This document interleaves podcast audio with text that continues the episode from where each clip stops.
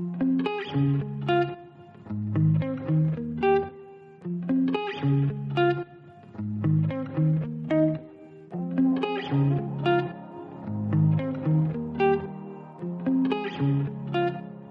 och välkomna tillbaka till podcasten Träning med mig Sebastian. Och mig Henrik. I dagens avsnitt ska vi prata lite om eh, en speciell gymmaskin kan man väl kalla det. Och lite annat smått och gott. Så de här frågorna ska vi ta reda på. Vad är e-gym? Vad är periodisering? Och vad kan vara framtidens träningsmaskin? Lite mer fokus på styrketräning generellt får vi väl kalla det då Henrik. Det var, nu när jag tänker efter, faktiskt ganska länge sedan vi pratade enbart just kanske om styrketräning. Ja, det var det nog när du säger det. Känns som det har varit ganska mycket fokus på kost det senaste. Kost och hälsa lite mer än just Ja. styrketräning. Så det kanske är dags nu att vi kommer tillbaka. Men verkligen, och styrketräning är ju faktiskt kroppens bästa ungdomspiller. Så det är ju fortfarande en väldigt viktig del att ha med och någonting som alla borde göra. Vi pratar alltså om droger i dagens avsnitt. Exakt ja. Nej, men eh, lite styrketräning helt enkelt. Eh, och kanske börja av med det här som jag nämnde först. Något som kallas för e-gym. Och det är Sebastian expert på som jag brukar säga att han är på allting. Ja, men verkligen. Eh, någonting som jag tagit upp och diskuterat lite med Henrik förut. Jag kan tänka mig, utan att vi har pratat om det innan, att du kanske har sett e-gymmet minst en gång i alla fall vet jag ju. Mm. Jag tror det är Eh. bara en gång. Ja, det är bara en gång. Ja, ja. Men jag ska förklara lite vad e-gym är först då. E-gym är en form av träningsmaskin som ja, tillhör ett företag helt enkelt som är e-gym. Eh, De ser till att sälja mina maskiner ut i gym och liknande. Och det som är speciellt med det här e-gymmet då, det är att det ska vara en form av individualisering på maskinerna. Så det går ut på att från början så träffar man då en coach som är utbildad i gymmet. Man får eh, liksom göra som ett konto kan man säga. Som är kopplat till ett specifikt gymkort som man har. När man eh, sedan kommer och träffar den här instruktören eller PTn då går man igenom ett varv i den här e-gymmet. Där man då får ställa in höjd, längd eh, och alla andra grejer som krävs för att ställa in maskinen just efter ja, hur din kroppstyp är. Efter det så får man göra ett maxstyrketest som då känner av hur pass stark du är. Så med så mycket kraft som möjligt så ska du liksom antingen sparka eller sträcka ut de här bensparken eller pressa iväg bröstpressen. Eh, och sen så känner den av, den visar på en skärm vilken siffra du får. Så här gör du på hela e-gymmet, ett helt varv runt. Och sen när man har ställt in maskinerna då är det nästa gång som du kommer dit så kommer den här maskinen att känna igen vem du är. Den kommer att ställa in längden efter ja, dina inställningar, alla andra inställningar och det som är lite finurligt är att den även kommer att ställa in vikten som du ska jobba med. Eh, med hjälp av en smidig och bra eh, bild eller lite skärm kan man kalla den, kanske bana brukar säga, vissa säga, jämföra med Pacman så ska man då försöka följa som en liten kurva som visar hur snabbt och hur hårt du ska pressa iväg vikten och samtidigt hur långsamt du ska bromsa. Den visar hur många antal du ska göra och den visar även hur lång vila du ska ha mellan att du byter från maskin till maskin. I... Tänker man efter lite så kan man se att det här är en form av en elektronisk PT nästan. Eh, I det här EU-maskinen så finns det även en litet upplägg som går ut på att maskinen ska känna, känna av hur pass stark du är och dens mål är att göra dig successivt starkare. Så den lägger på lite mer vikter.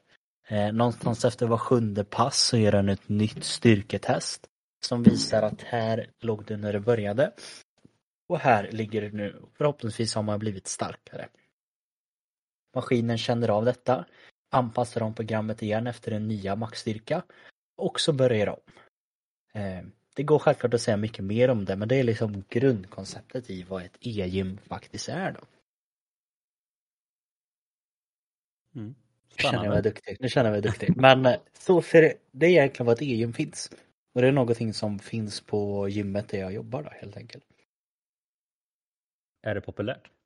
Ja, jag skulle väl säga att e-gymmet är väldigt populärt. Det är kanske framförallt populärast kring de här de är majoriteten utav de som tränar. De som bara vill hålla igång, de som vill se bra resultat och vara friska och krya och hålla så länge som möjligt. Eh, det som är smidigt med just e-gymmet är att de kan komma och göra två varv som vi rekommenderar att man ska göra. Eh, ett varv tar 15 minuter, två varv tar ju då 30 minuter.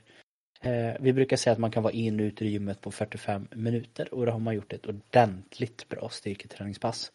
Och det för många är väldigt lockande att få träningen i princip serverad till sig och veta att man kommer bli starkare och få resultat. Det är det som lockar otroligt många. Är käns alltså så här, vissa ser ändå ganska lika ut liksom en vanlig gymmaskin. Alltså känns det likadant som en vanlig gymmaskin liksom när man lyfter vikterna eller är det mer ett tryck? Eller vad man ska säga, svårt att förklara men. Det som är största skillnaden skulle jag säga det är just den här på tillbakavägen. Den håller ju liksom en form av jämn vikt både på fram och tillbaka väg eller excentrisk och koncentrisk.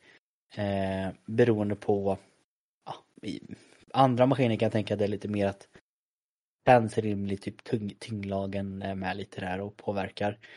Men det som brukar vara det som är svårt för många att känna av det är att de inte brukar riktigt bromsa på eh, den excentriska fasen utan de brukar oftast bara släppa eh, en form av latsdrag, att de bara låter den falla ner. Men här så måste du ju aktivt bromsa rörelsen när du går tillbaka för annars så kommer du ur rytm, kommer ur banan eh, och då syns det väldigt tydligt att man gör fel.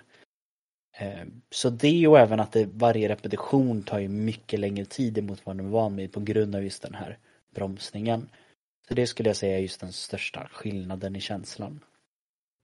Men jag tror också att det är väldigt bra just för att eh, du förklarar ju det här lite men också det är det jag har sett när jag kollar på klipp på det är just den här klassiska, det ser ut som lite Flappy Bird typ när man går upp och ner på den här banan och man ska ha rytmen. Och jag tror personligen om jag hade kört det här, man hade ju haft sån här riktig OCD eller så här, dels för att man har, eh, har mycket så här rytm i musiken men även för att man vill att det ska se bra liksom. Man, det hade ju varit svårt att försöka inte följa den banan eller vad man säger. För det ser ju verkligen ut som ett tv-spel liksom. Man vill ju få typ så bra poäng som möjligt. Mm. Det är också det som jag tycker att det ser verkligen. lite, det är det som gör att det också ser lite roligare ut liksom. För det blir inte att man bara tittar ut till intet liksom. Utan det här blir också att man på ett sätt måste, man måste fokusera liksom. Det känns som att man typ använder huvudet lite mer också. Ja, men det är ju ett helt annat mål liksom. Det är inte bara komma dit och göra utan man vill ju få de här poängen. Och det är liksom många när de kör det här första gången när man har ett installationsvarv och ändå så gjort nio maskiner. Så brukar de säga oj, är det redan klart? Ja, jag har knappt känt att jag har tränat. Och det är ju mer att de menar att de har inte tänkt på att de har tränat. För det enda de har fokuserat på är ju att fånga de här bollarna som liksom finns i banan. Man vill samla så många bollar som möjligt för att få en så hög procent som träningseffektivitet som möjligt. Eh, om man har som mål att typ röra sig upp mot över 90 procent så är det godkänt. Eh, brukar vi säga. Och det vill ju alla ha. Och helst vill man ju ha 100 procent att man inte gör något fel. Man vill ju ha ett A plus liksom eller vad man är ute efter. Men eh, det är väl det som gör att många som i vanliga fall tycker att styrketräning är lite tråkigt. Det är ju för att det är krångligt. Man vet inte vad man ska göra och man ser inte att man gör rätt. Men här får man ju väldigt faktiskt svart på vitt att du gör rätt och du blir starkare liksom. Jag tror ändå att det kan vara något som kommer locka många, alltså även när det här utvecklas mer i framtiden, att det blir liksom någon form av spelaktigt. Mm. Så att man kan samla just poäng liksom. På, och det är det som är lite också bra med den här liksom biten att här får du inte poäng för att du gör, lyfter så tungt som möjligt, att du gör så snabbt som möjligt. Liksom, utan det är verkligen att du ska hålla rätt tempo fram och tillbaka och jämn nivå på alltihopa. Liksom, så att det är ändå uppbyggt att du får så mycket poäng som möjligt om du gör så rätt som möjligt. Om jag fattar Mm. rätt i alla fall. Jo men det är det verkligen. Eh, Så det är ju verkligen uppmanar folk att vara noga med tekniken. Och det, Sen går det ju att ändra vikten själv både upp och ner när man kör den. Men det är liksom inte heller att man är man hetsas inte riktigt till att ta mer som det liksom skulle kunna vara en nackdel att man får mer poäng desto tyngre man tar utan det är verkligen som du säger, det, det är kvalitet på träningen som är det viktigaste. Men om vi då går över liksom lite så här fördelar och nackdelar. Vad skulle du säga liksom var de största fördelarna med gym kontra vanligt gym eller man säga, vad är de största nackdelarna? Ja, har man största fördelen är ju att man får en väldigt tydlig bild av att man gör rätt. Och det får man med hjälp av på displayen när man är i gymmet så står det hur mycket vikt du lyfter under hela den här sekunderna som du lyfter. Vilket för många kan då bli en väldigt wow, jag lyfter nästan ett halvt ton totalt under detta. Man ser också vad man lyfte förra gången och då ser man ju att förra gången lyfte jag 480 kilo. Nu lyfter jag 512 kilo. Man får alltså med en gång en respons på att wow, jag har varit duktig. Nummer två som är väldigt motiverande, det är ju den här att man ständigt vill ju få 100%. Det är väldigt enkelt att göra den här lilla, lilla extra. Eh, ungefär samma effekt då, som att en person står bredvid dig och kollar att du ska göra 10 repetitioner. Det är svårare för individen att faktiskt fuska och inte göra den här extra repetitionen. Eh, något som är lite gömt i e-gymmet som jag som är lite mer nördig så jag också tror att du kan gilla Henrik. Det är att laddar man ner deras app så får man en en profil där man kan kolla lite BioAge heter den. Och den går då in och gör en muskelanalys för kroppen och jämför svagheter och styrkor. Först och främst så visar den en kroppslig ålder som visar att du är så här gammal i kroppen utifrån hur tungt du lyfter. Och den kan ju vara motiverande för vissa liksom att ja, men jag vill bli yngre, jag vill känna mig ung och fräsch. Men går man in på en muskelhälsa här så får man in skillnaden till exempel mellan lats eh, och skulderblad, skillnaden mellan övre rygg och bröst, skillnaden mellan vänster och höger sätesmuskel, skillnaden mellan quadriceps och lårets baksida. Det här visar då alltså om man har en obalans på fram och baksida, vilket gör det väldigt, väldigt tydligt för en vart man behöver lägga lite extra fokus för att minska risken för skaderisk. Eh, den om något skulle jag säga är något som många glömmer av och som verkligen är det absolut bästa med gymmet. Eh, som slår det allra mesta. Det är ju till och med svårt för en väldigt duktig personlig tränare att ha så här pass bra koll liksom. Eh, så det skulle jag säga fördelarna med det. Ja men det är ju verkligen det att det känns som man får väldigt mycket för väldigt lite. Eller om man säger så. Det, det är som du säger, det är som att man får tillgång till en egen personlig tränare som har koll på allting. Liksom. Och mm. just det där med att ha koll på men, hur mycket man har lyft och skillnad i musklerna och sånt där. Liksom. Det, det är som jag säger, jag, sånt tycker jag är skitintressant. Vi kör ju mycket med GPS-väster i fotbollen när man kan jämföra mycket här, sprinthastighet och distans och accelerationer och sånt där. Liksom. Det är skitkul.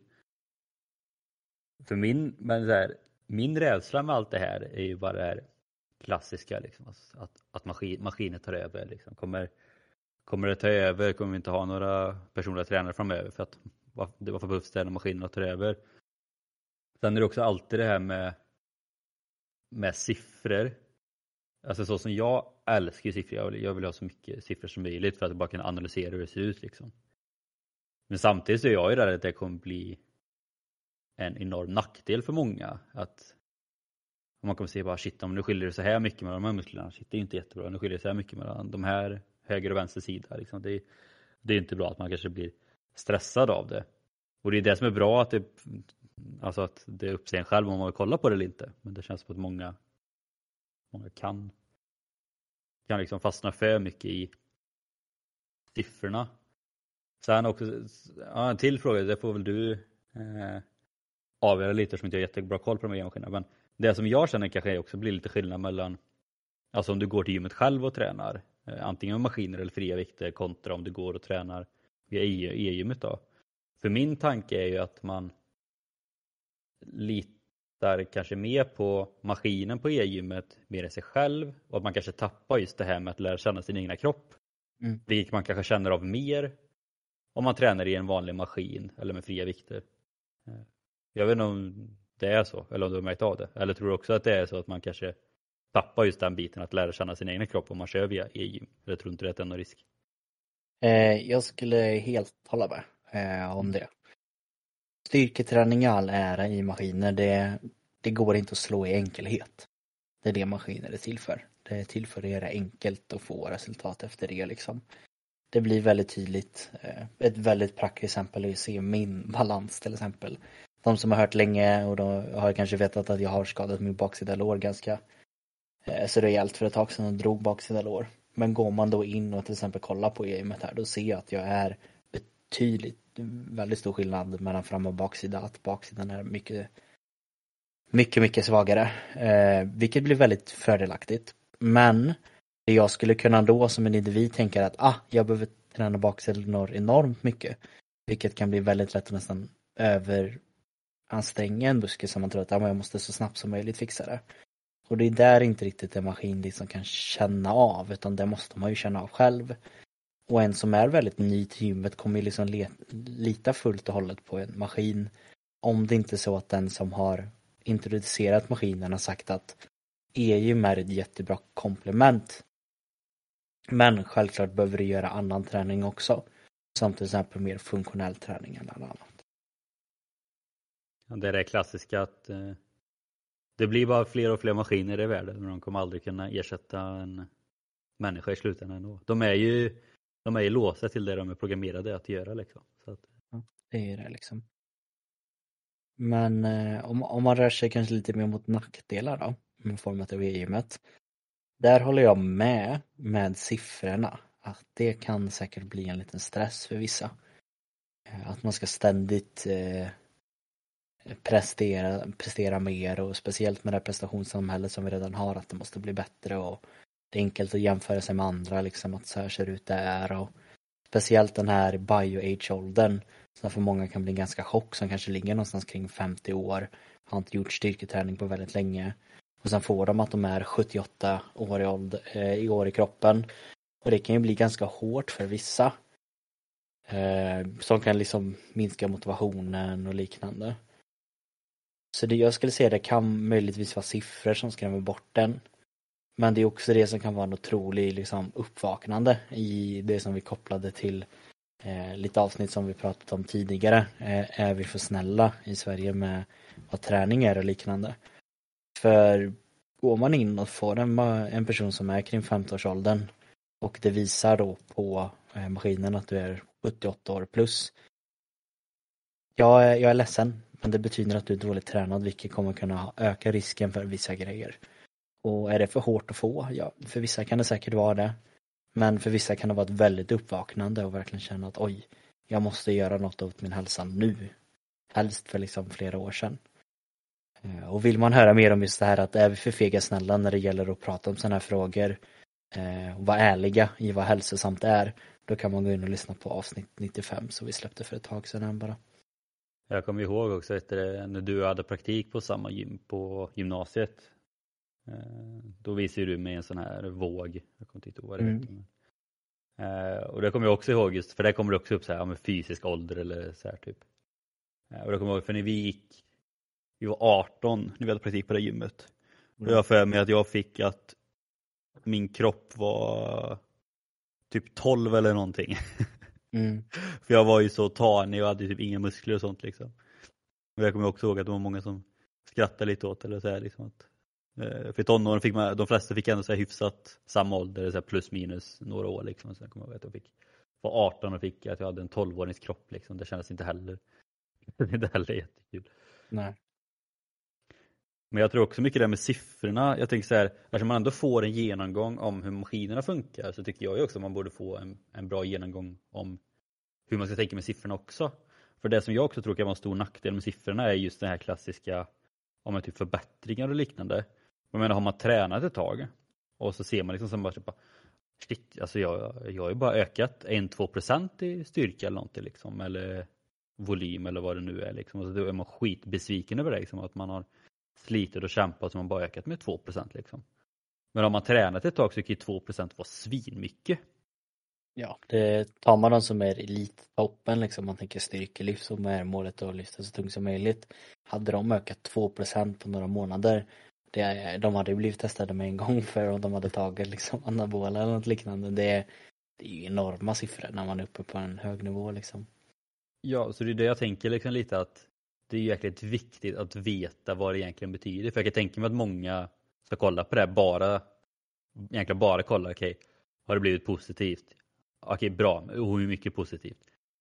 Men om liksom, de vet inte riktigt vad som krävs och vad som klassas som bra och inte bra. Utan många kanske tänker att 1-2% är skitdåligt för sig själva är jättebra liksom. Och, eh, så jag tror också det kan vara bra att man verkligen går igenom det nog också när man går igenom själva gymmet så att allt, eller att det finns åtminstone någon som kan eh, kan hjälpa till om det behövs liksom. Så att det inte blir att ja. man fastnar i och bara ser det negativt och får press och stress av att bara se massa siffror och så är man inte nöjd med det fast man själva verkat ha gjort, gjort ett svinbra jobb. Ja men det, det tror jag, det är väl det som är viktigt. Man måste ju jag tänker mig att det här blir väldigt som all annan träning att hade det bara stått och vem som helst hade kunnat ställa in efter sig själv och starta gångar själv då hade det inte varit bra. Men nu är det ju också att det är väldigt tydligt i alla fall på det gymmet jag är att du bokar en tid med en som är utbildad inom det och hos oss är det liksom också någon som har bra koll på träning ställer in den, hjälper en, man kan boka in om man har frågor. Eh, jag tror det är bästa kombinationen liksom att kunna få det men även med en som faktiskt är ja, men lite mer expert inom området kan ge sina eh, inputs också att men det här är, det är lagom bra eller ja, nu förstår jag varför det får ont du har gjort det här eller vad som helst helt enkelt. Jag har en sista fråga på just det här med e-gym. Mm. Varför finns det inte på fler gym? Um, För just, I dagens samhälle finns det gym överallt. Mm. Men jag har ju bara sett det på, på ditt gym. Jag vet att det finns, det finns på fler, några fler också men det är ju inte många av dem, eller det är knappt några av de här stora kedjorna som har e-gym. I alla fall inte här omkring, så kanske de har i storstäderna. Liksom. Är det att det är så jäkla dyrt eller, var, eller att folk inte vet att det finns? Liksom? Eller varför, varför har inte de här stora kedjorna börjat med det? Jag kan tänka mig att det har någonting med någon form av licens att göra. Att eh, det i sig kan vara en utmaning för vissa att gå in. Speciellt när man inte gjort det från början. Det är där jag tror att skon klämmer för många att skulle en stor kedja byta på en av sina anläggningar till här då behövs ju en, då förstörs ju lite konceptet med stora kedjor att det ska vara samma på vilket gym man än går. Då måste de lite, göra det på alla i så fall. Då måste de göra det på alla gym. Eh, vilket blir nog en för stor satsning. Och jag kan mycket väl tänka mig, tråkigt nog att många av de stora gymmen inte är tillräckligt pålästa om sådana här frågor liksom. Att eh, det är självklart att folk kan få resultat utan det här också. Det har de ju fått i massor med år. Men det här är ju verkligen någonting som är till för kunden. Eh, eller till för dig som tränar att kunna få ett otroligt bra redskap liksom och faktiskt kunna utnyttja detta. Ehm, och sen är det ju då också att varje gym då behöver faktiskt vilket också har gått ifrån lite det här 24-7 gymmen har ju knappt någon som är på plats längre. Ett sånt här gym kräver ju att det i princip är personal tillgängliga under alla öppettider för att kunna hjälpa folk och använda dem. Vilket jag tror heller att de inte riktigt lägger fokus på. De har inte riktigt samma tänk där att vi gör det här för kunden utan bara de är mer vi vill öppna upp ett ställe, varsågod, lycka till lite mer. Eh, så det skulle jag väl säga. Eh, det som är varför. Och sen tror jag faktiskt att många inte vet vad det att det finns. Nej, jag menar alltså jag fick ju höra det första gången via dig också liksom. Mm. Så att det, det är väl så. Men det är väl också det, man är, man är van vid det här klassiska vanliga. Men samtidigt vet jag också att man har reagerat på många av de stora gymmen att det känns som att de ganska ofta ligger efter när det kommer till många koncept och alltså förnya saker. Men det är väl som du säger, det är väl för att ska de testa någonting så måste de göra det på alla ställen och då är det så. Det är väl därför det är lättare för mindre gym att kunna bli lite mer också nischade mot sådana här saker. Mm. Verkligen. Det är lite samma sak, vi har haft planer på att åka till ett eh, speciellt eh, gym här i närheten och hälsa på för att se om det blir av, som fokuserar mycket på excentrisk träning bland annat. Mm. Eh, så det är samma sak där, nischat sig så att eh, får vi se om det blir av. Ja. Bra, intressant. Mm. Verkligen. Eh, ska vi röra oss vidare? Det tycker jag. Det blir väl en lite skillnad men ändå hyfsat likt. Eh, för sagt, för jag har aldrig egentligen testat det här med e-gym. Jag har som sagt sett det någon gång och lite videos och sånt. Däremot det jag har testat som ändå är ganska likt och som också blir lite så här, ja, men, vad är framtidens träning? Är det framtidens träning? Det är isokinetisk träning. Och isokinetisk betyder egentligen kort och gott att eh, man har, alla, jag tror om man googlar på det så är det så här att det är constant speed, liksom att man har samma fart. Och ni som är intresserade så kan ni googla på isokinetik eh, så får ni se hur en sån maskin ser ut. För att det, är, det är en väldigt speciell maskin. För du, du har, väl, har, du testat en sån någon gång Sebastian? Eller har du sett hur den ser ut? Mm, ja, för mig att jag har testat en sån maskin. Jag är inte helt hundra, men jag för mig. Jag tror det var någon att vi åkte någon gång till någon event eller liknande. Att det kan ha funnits en, en sån här maskin där liksom. Eh, jag vågar inte säga hundra procent. Jag fick testa det på, på skolan och det som är både lite läskigt men också lite spännande med den här är att eh, för vi var i grupparbete och skulle göra det här och då skulle man sätta sig och den här mät, kan man ju liksom välja, liksom, eller den mäter ju vilken kraft du utgör i själva rörelsen och det kan du göra allt med. Ja, det är samma sak här, du kan sätta i om du vill göra en lår curl eh, eller om du jobbar med bröstpress, axel, vad som helst. Eh, och vi skulle ju testa att göra en benspark. Så du sätter dig i en väldigt stor stol.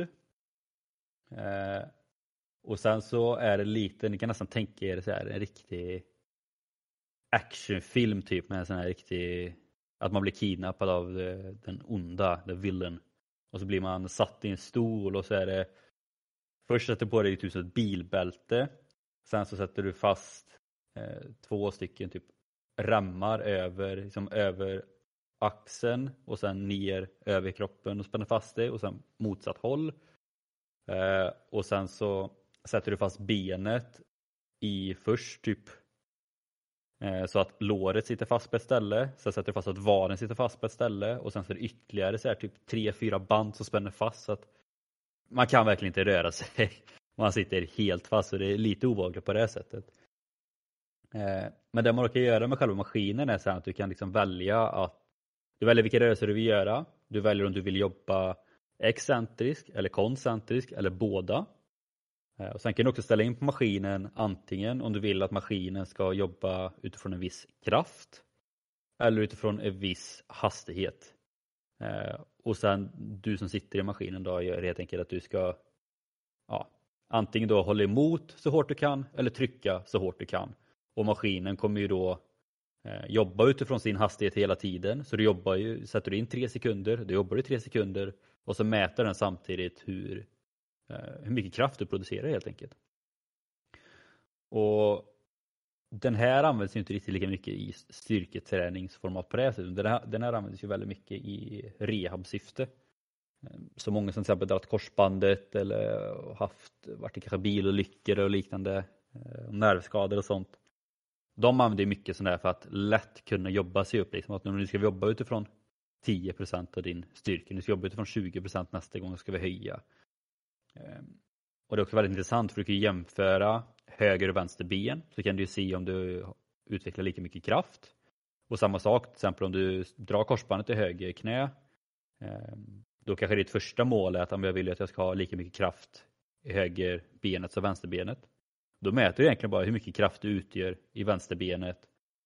Och sen ser du ju då varje gång du sitter i den här maskinen och så kör du din i rehab och vanliga styrketräning så kommer du tillbaka till den här maskinen och så ser du ju då om du närmar dig eh, mycket kraft. Då. Och sen när du har uppnått ungefär lika mycket kraft som i vänsterbenet, då kanske är redo att kunna börja träna igen. Så det är ändå lite liknande just det här med att man har ändå ett jämnt tempo som det var på e-gymmet, att man ska försöka hålla den här banan och samla de här bollarna. Eh, men sen är den här mer fokuserad kanske lite mer mot rehab och liknande. Men det är lite samma sak här liksom, fast här är väl också så här, för de här maskinerna är ju svindyra. Men också lite så här för att många går ju på gym för att rehabträna och liknande, för att rehabilitera sig och sånt. Då är det också lite, lite så här, varför är det inte fler gym som köper in en sån här maskin? För jag menar, hade jag varit skadad och behövt köra rehab på gymmet och sånt där, då är det alltid svårt att veta om man är nära på att komma tillbaka och allting. Finns det en sån här maskin på gymmet och någon som vet hur den funkar, eh, någon som jobbar på gymmet liksom, som man kan se om man närmar sig liksom. Jag tror att jag tror att man kunde tjäna ganska många kunder på det om det finns. Jo men det, det tror jag med. Och det är väl samma där. Enklare för smågym att faktiskt eh, köpa in en sån här grej liksom. Det är väl det. Tyvärr. Men mm. eh, jag tror också att det kan eller det är som är så svårt just för att den inte riktigt lika, den går ju att använda som styrketräning. Jag vet när jag hade den, jag har nog aldrig haft så jäkla mycket träningsverk i baksidan som jag hade efter jag körde den. Så den går ju att använda till styrketräning också. Ja, alltså det, att... det, verkligen. Det finns ju bara som en, grej, det, det finns ju en sån variant. Man kan ju ställa in olika varianter i det här e-gymmet så det finns ju en sån funktion eh, i e-gymmet liksom. Den är inte riktigt exakt på samma sätt i och med att den inte använder samma mätningsgrejer men så nära som det går tänker jag i en lite mindre avancerad maskin liksom. Och det är väl det jag tänker lite också då att det här med e-gym kanske blir en lättare variant av det här så kanske funkar bättre på gym. För jag menar sån här maskin används ju främst på jättebra sjukhus eller rehabcenter för rehabpatienter alternativt till forskning då liksom. Och då behöver man ju så bra siffror som möjligt. Men som sagt i gemene man så kommer man nog väldigt långt på sådana e-gymsmaskiner. Men jag tror ju överlag utifrån vad du pratar om e-gym och utifrån vad jag har testat utifrån den här maskinen liksom att jag tror ju aldrig att det kommer ta över helt. Det kan ta över helt men jag tror inte att det är bra att det tar över helt. Men jag tror att det är ett väldigt bra komplement som jag hoppas ändå ska liksom börja finnas. Just det här med att det ändå börjar finnas lite siffror att kunna ta hänsyn till. Bara som med det här Isokinetisk-maskinen att man kan jämföra höger och vänster ben, höger och vänster arm liksom för att kunna se. För det är det som ofta är svårt i vanliga maskiner. Eh, framförallt liksom sitter man i en vanlig bensparkmaskin, ofta använder man ju båda benen samtidigt, ofta tar man i mer med ena benet. Man kan ju köra med ett ben i taget men det är inte alla som gör det. Och även då kan det också vara svårt att veta hur mycket det egentligen skiljer sig från ben till ben. Här får man ju ganska tydligt i exakt nummer hur mycket som skiljer sig. Och jag tror också mm. det är någonting som man kanske kommer jobba med mer i framtiden. Ja, man kommer jobba mer liksom för att få en jämn nivå på höger och vänster sida än vad man gör i dagsläget. Ja, alltså jag jag kanske mer åt det hållet, jag har väldigt, väldigt, väldigt svårt att förstå varför det inte skulle gå åt det här hållet. Tekniken kommer bli bättre, det vilket gör att det kommer utvecklas mer vilket gör att vi kommer kunna pressa ner priserna på det. Vilket gör att efter ett tag kommer man i princip kunna välja mellan en maskin som har det här och en maskin som inte har det. Och det närmar sig kostar nästan mot liksom samma. Samma som man kanske i början pratade om att men varför ska man ha en bil som man kan öppna upp med en digital nyckel liksom. Det, det känns onödigt. Men nu är det ju bara det för det är liksom, det är standarden.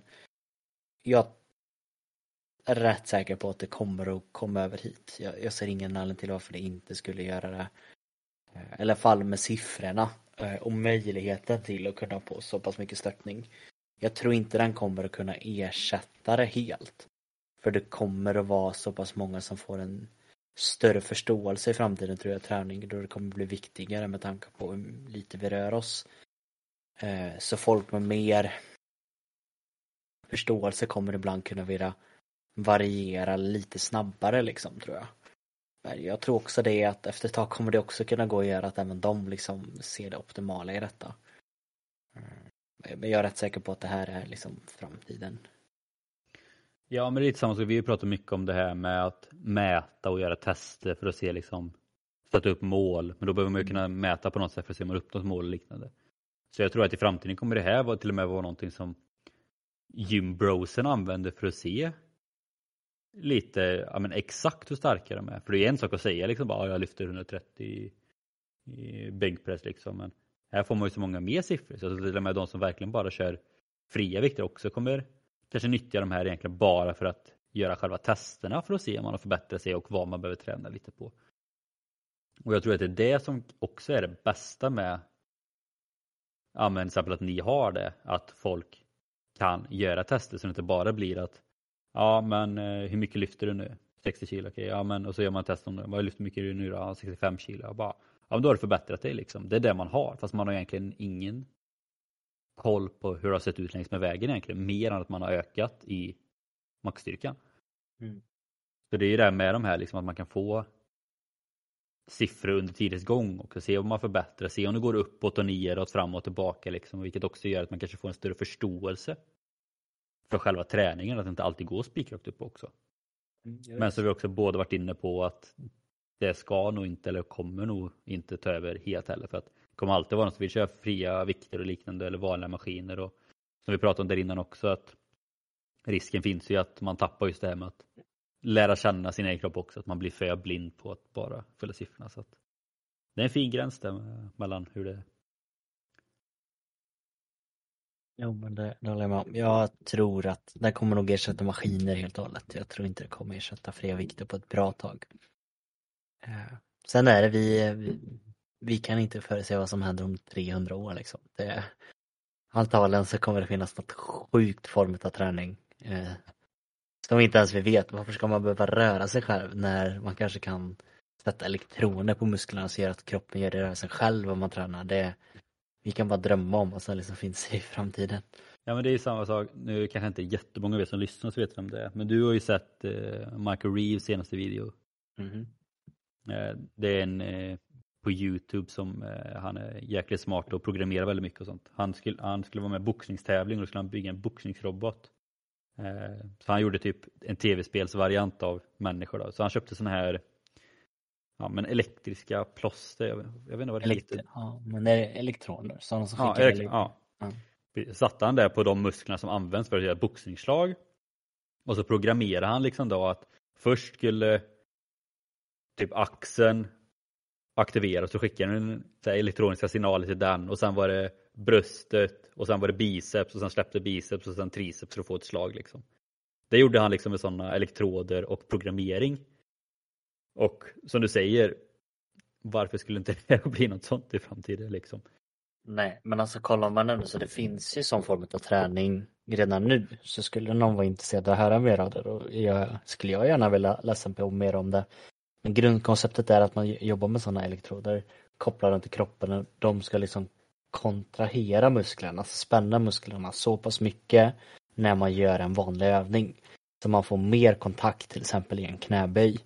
Eh, som tydligen ska vara otroligt jobbig träning för den liksom kopplar på maximalt. Eh, man använder inte riktigt vikter på det sättet utan man gör en vanlig knäböj och sen ska det liksom koppla på och pressa musklerna så pass mycket som att det är liksom maximalt eh, utmattning för en. Eh, och det vet jag att flera, några gym i Sverige till och med har just den här.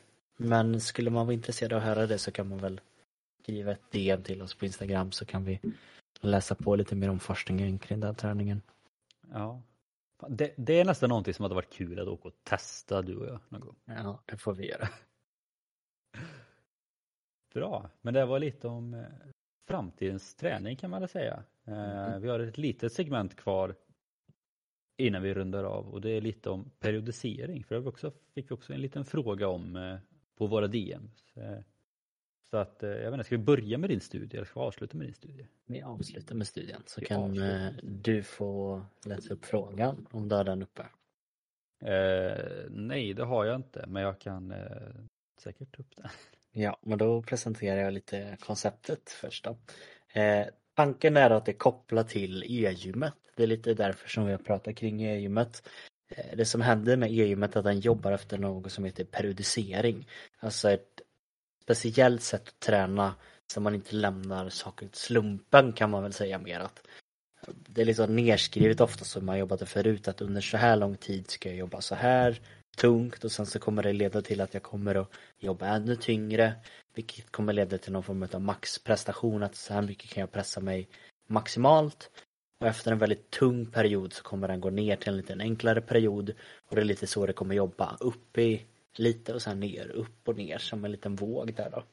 Eh, och det är det sättet som man lägger upp egentligen träning för att få någon form av optimal eh, ökning i, i sin träning.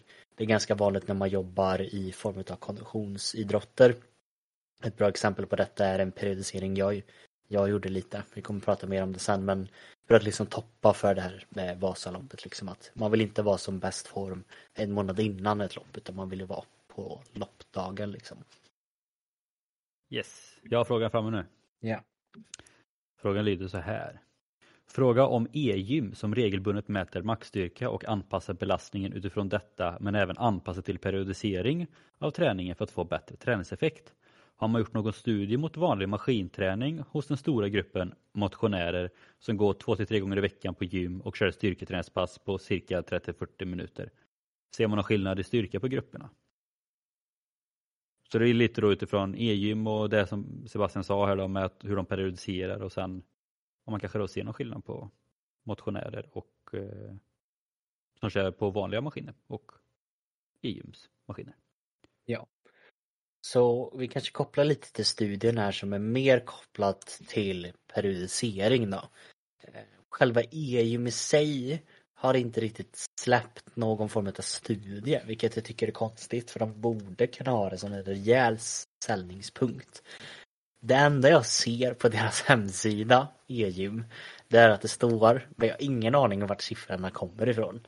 Men det står att man ska öka sin styrka med 29% på tre månader. Men det står ingenting vart det kommer ifrån. Ingenting var det utgår ifrån. Men de, de, det står på hemsidan att de lovar att man ska öka sin styrka med 29% på tre månader.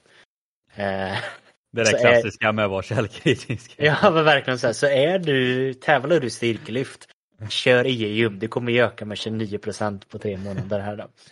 Nej, men skämt åsido. Går man till periodisering då, då kan man ta som en studie här som gjordes på Eh, från Köpenhamns universitet.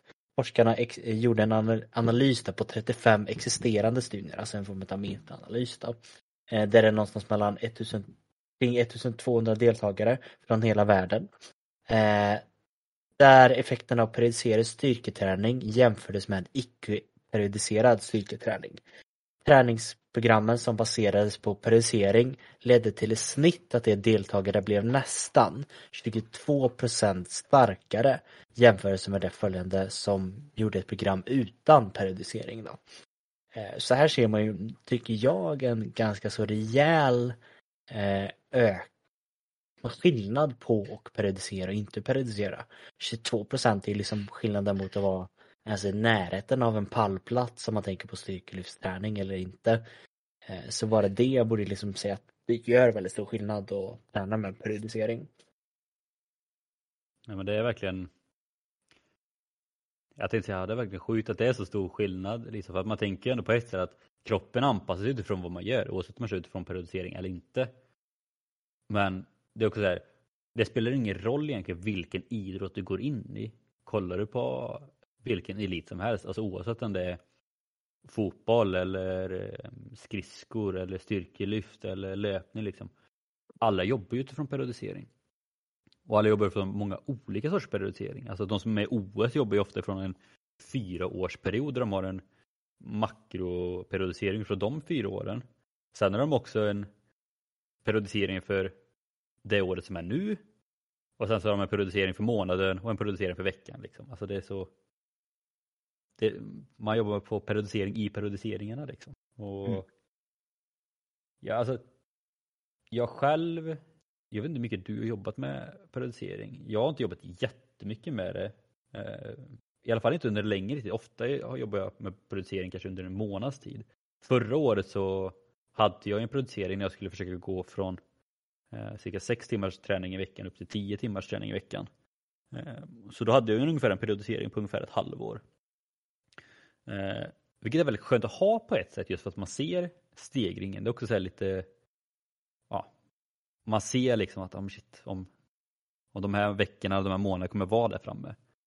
Eh, sen också när jag har jobbat med det också jobbat väldigt mycket utifrån fyra veckors producering. där när jag pratar om månader, då är det ofta man jobbar man stegrar i tre veckor och så blir det en fjärde som är lugnare och så stegrar man tre veckor lite till och så blir den fjärde lugnare liksom. Och jag tycker också det är väldigt skönt på något sätt för att det är väldigt skönt att stegra hela tiden. Och sen när fjärde kommer då är det jäkligt gött med den veckan bara för att ja, det blir en lugn vecka liksom. Och så börjar man om igen och då är det skönt liksom att man stegrar hela tiden för att det är som alla tycker, det är alltid kul att stegra liksom. Det känns som att man blir bättre. Men det är också jäkligt skönt med lugna veckor för att då kan man chilla lite. Så ja. Det är väl det som jag tycker är det bästa med eh, periodisering. Sen finns det så många olika sätt att periodisera på också. Liksom. Så att det, det finns ju något för någon, eller för alla.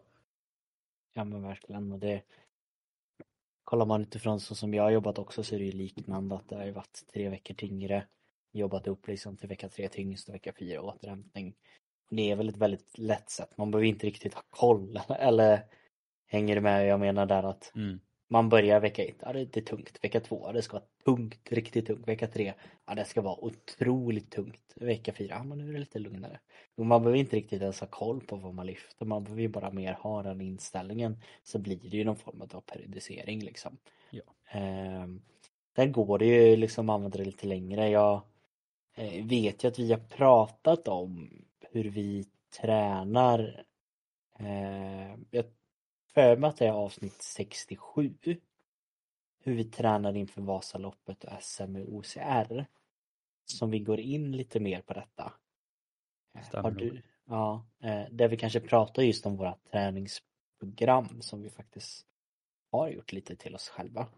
Eh, och som vi även erbjuder er att faktiskt kunna ta del av om ni skickar in att ni gör den här jul eller den här kalendern eller bingon heter den ju, som inte någon har varit duktig in. Vi har, jag har sett lite taggningar, jag vet inte om du har sett det, men jag har sett taggningar. Ingen har skickat in att de är klara. Det känns som att alla tror att nej men det är kört, jag kommer aldrig kunna vinna men om alla tänker så, då ligger det ju fortfarande kvar liksom och fortfarande ta hem potten eller vad man ska säga. Men eh, där pratar vi lite mer längre om just att eh, både du och jag, har jag för mig, hade liksom lagt upp en, sen ganska så lång plan i, en periodisering hur, hur vi ville träna och eh, i alla fall jag vet ju liksom så här att jag har jag har upplägget här framför mig, liksom träning inför Vasaloppet juni. Eh, allting är där, det står från juli och sen augusti och sen så står det september, oktober, november och sen står det december och allting sånt. Eh, Eh, nu när jag kollar själv på det skulle det vara jäkligt intressant att kolla det här i efterhand när jag följde det. Men eh, jag hade det ju alltid uppe faktiskt kolla lite på då och då. Men eh, inte så exakt som jag borde kanske. Nej men det var ju samma sak för att det som jag följde under avsnitt 67 där och pratade om. Där följde jag ju ganska slaviskt under första halvåret där i alla fall. Mm. Men det är också det som jag kan tycka är lite nackdelen på ett sätt med just periodisering och framförallt när man kanske inte har full koll på hur man ska justera det. För det är ju just det liksom hur man gör. Om vi säger den tredje veckan ska vara väldigt tung då och blir man sjuk då ja men eh, hur ska man göra då? Ska man fortfarande ta vilovecka veckan efter? Ska man gå tillbaka liksom? Och allt sånt där. Så det är väl det som kanske är lite nackdel med just periodisering, liksom att det är ofta uppbyggt för att allt ska gå som planerat. Att du ska inte åka på några skador, du ska inte vara sjuk och liknande. Eh, det är liksom inte uppbyggt på det sättet att eller det är väldigt få periodiseringar som är uppbyggda för eh, att det ska finnas ett eh, jag vet det, ja, men ett kryphål ifall man skulle åka på någonting. Mm. Så det är väl det som ändå är lite nackdelen med just periodisering. Så det är som du säger också, det skulle vara intressant att kolla tillbaka om man följde det fullt ut. Men det är samma sak som Nils van der Poel liksom. Alltså att det var ju många av hans pass om man kollar på hans träningsdagbok som han ställde in eller flyttade på eller körde kortare eller längre liksom sådär. Så att, men det är mycket det, så länge man bara känner sin egen kropp så är det inga problem. Men det är just att det gäller att kunna det så att man inte ändrar periodiseringen och så kör man skiter i lugn vecka den fjärde veckan så kör man ännu tyngre bara för att man tycker att man orkar det och sen åker man på en skada vecka sex istället. Liksom. Mm. Så det är det. det. Det gäller att följa det men samtidigt också kunna, kunna justera om, om man behöver. Rätt. Se lite mellan raderna. Ja, det, vad är det man brukar säga, det är mer det är mer tips än ett facit eller sånt här. Liksom. Något sånt. Något sånt. Finns något sånt ordspråk. Ja, jag tyckte det var ett bra avslut. Ja. Om inte du vill tillägga något mer? Nej, eh, det jag kan tillägga är väl att eh, följ oss på Instagram, ett Traning Podcast. Eh, in och följ oss på TikTok, ett Traning Podcast. Ska vi börja lägga upp lite där. Och eh, sen får vi se om det blir ytterligare någonting. Till exempel Youtube och liknande kanske. Det... Vi har lite planer så att eh, håll ögonen öppna och det gör ni bäst via Instagram vill jag ändå säga. Eh, det kommer upp ganska mycket där som sagt. Till exempel bingon kommer upp där. Så följer ni oss inte på Instagram så kan ni inte se bingon. Så att, eh... Och ni kan även inte se om det är något, det kommer upp en Q&A eller om det ändrar sig i våra planeringar och liknande. Så att in och följ oss. Ja. Annars är det som vanligt med de orden så tackar vi för oss. Tackar just dig som lyssnar och eh, vi hörs nästa vecka helt enkelt. Det gör vi. Ha det gott.